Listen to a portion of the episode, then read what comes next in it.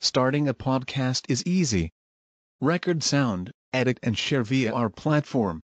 Anchor is the easiest way to create podcasts, Spotify's offering to you. Distribute your podcasts to the most popular listening platforms, including Spotify, Apple Podcasts, Google Podcasts, and more, with just one tap. Download the free app to start your podcast with the versatile platform from Anchor. Thank you. Kan dengan baik kisah ke-13 dengan judul Abu Talhah dan roti yang diberkahi. Wahai anak-anakku sekalian yang dimuliakan Allah Subhanahu wa taala. Suatu hari Rasulullah Shallallahu alaihi wasallam duduk bermajlis bersama para sahabatnya di masjid. Ketika itu Rasulullah Shallallahu alaihi wasallam terlihat lemas karena menahan sangat lapar.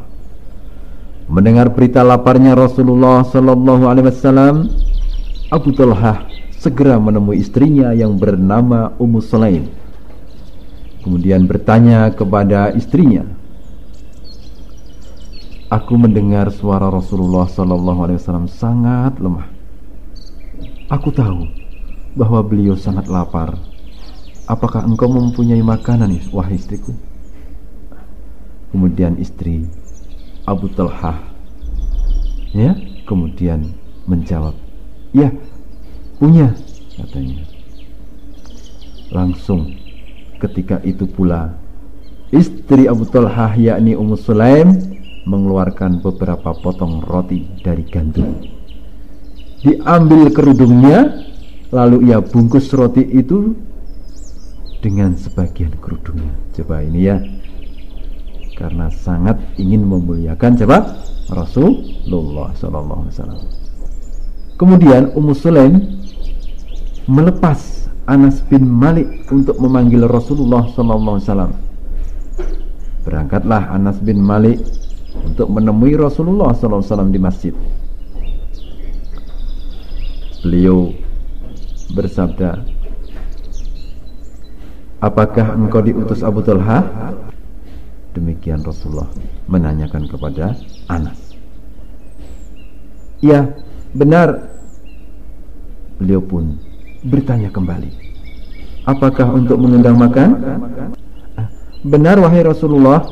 Demikian dijawab oleh Anas. Berangkatlah Rasulullah Sallallahu Alaihi Wasallam beserta para sahabatnya ke rumah Abu Talha.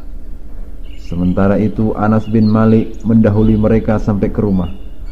Lalu Anas bin Malik memberitakan hal itu kepada Abu Talha. Ya, diberitakan kepada siapa? Abu Talha, yakni apa? Tentang Rasulullah berangkat dengan para sahabatnya. Maka Abu Talha berkata kepada Ummu Sulaim, "Wahai Ummu Sulaim, Rasulullah sallallahu alaihi wasallam datang bersama para sahabat. Padahal kita tidak punya makanan yang cukup untuk menjamu mereka."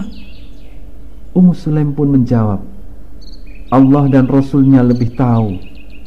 Nah, ya demikian jawaban istri yang solehah subhanallah ya yakin akan pertolongan Allah subhanahu wa ta'ala dan yakin tentang ya kerasulan nabinya. Mm -mm. Abu Talha segera menemui Rasulullah sallallahu alaihi wasallam. Abu Talha dan Rasulullah sallallahu alaihi wasallam masuk terlebih dahulu. Maka ditanya istri. Abu Talha ya. Wahai Ummu Sulaim Bawalah kemari makanan yang akan engkau hidangkan itu. Demikian sabda Rasulullah SAW kepada Ummu Sulaim. Kemudian Ummu Sulaim diminta untuk memotong roti Yang sudah disiapkan tadi Lalu diolesinya dengan minyak samin. Kemudian Rasulullah SAW membacakan doa atas keberkahan roti tersebut ya. Kemudian Rasulullah SAW meminta 10 orang untuk makan terlebih dahulu. Ya. Maka makanlah 10 orang sahabat ya hingga kenyang. Lalu mereka pun segera keluar. Karena apa? Untuk bergantian dengan sahabat yang lain. Wahai anak-anakku sekalian, yang dirahmati Allah Subhanahu wa taala, Kemudian dipersilahkan kembali 10 orang lagi masuk ya untuk apa? Makan. Maka sahabat Rasulullah SAW yang berjumlah 70 hingga 80 orang itu akhirnya pun semuanya makan dan semuanya pun kenyang. Nah, anak-anakku sekalian, maka setelah itu barulah Rasulullah SAW bersama keluarga Abu Talha, ya, dan yang akhirnya pula mereka pun makan.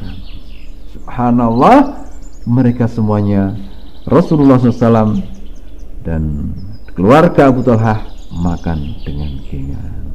Nah, demikian anak-anakku sekalian yang dimuliakan Allah Subhanahu wa taala, barokahnya ya atas doa Rasulullah dan akhirnya terkabul hingga roti yang sedikit ya ternyata bisa dimakan oleh orang yang sekian banyak itu. Nah, ini termasuk nubuah Rasulullah SAW. Demikian dulu ya. Insya Allah kita sambung di lain kesempatan di waktu yang lain pula dengan judul yang lain pula.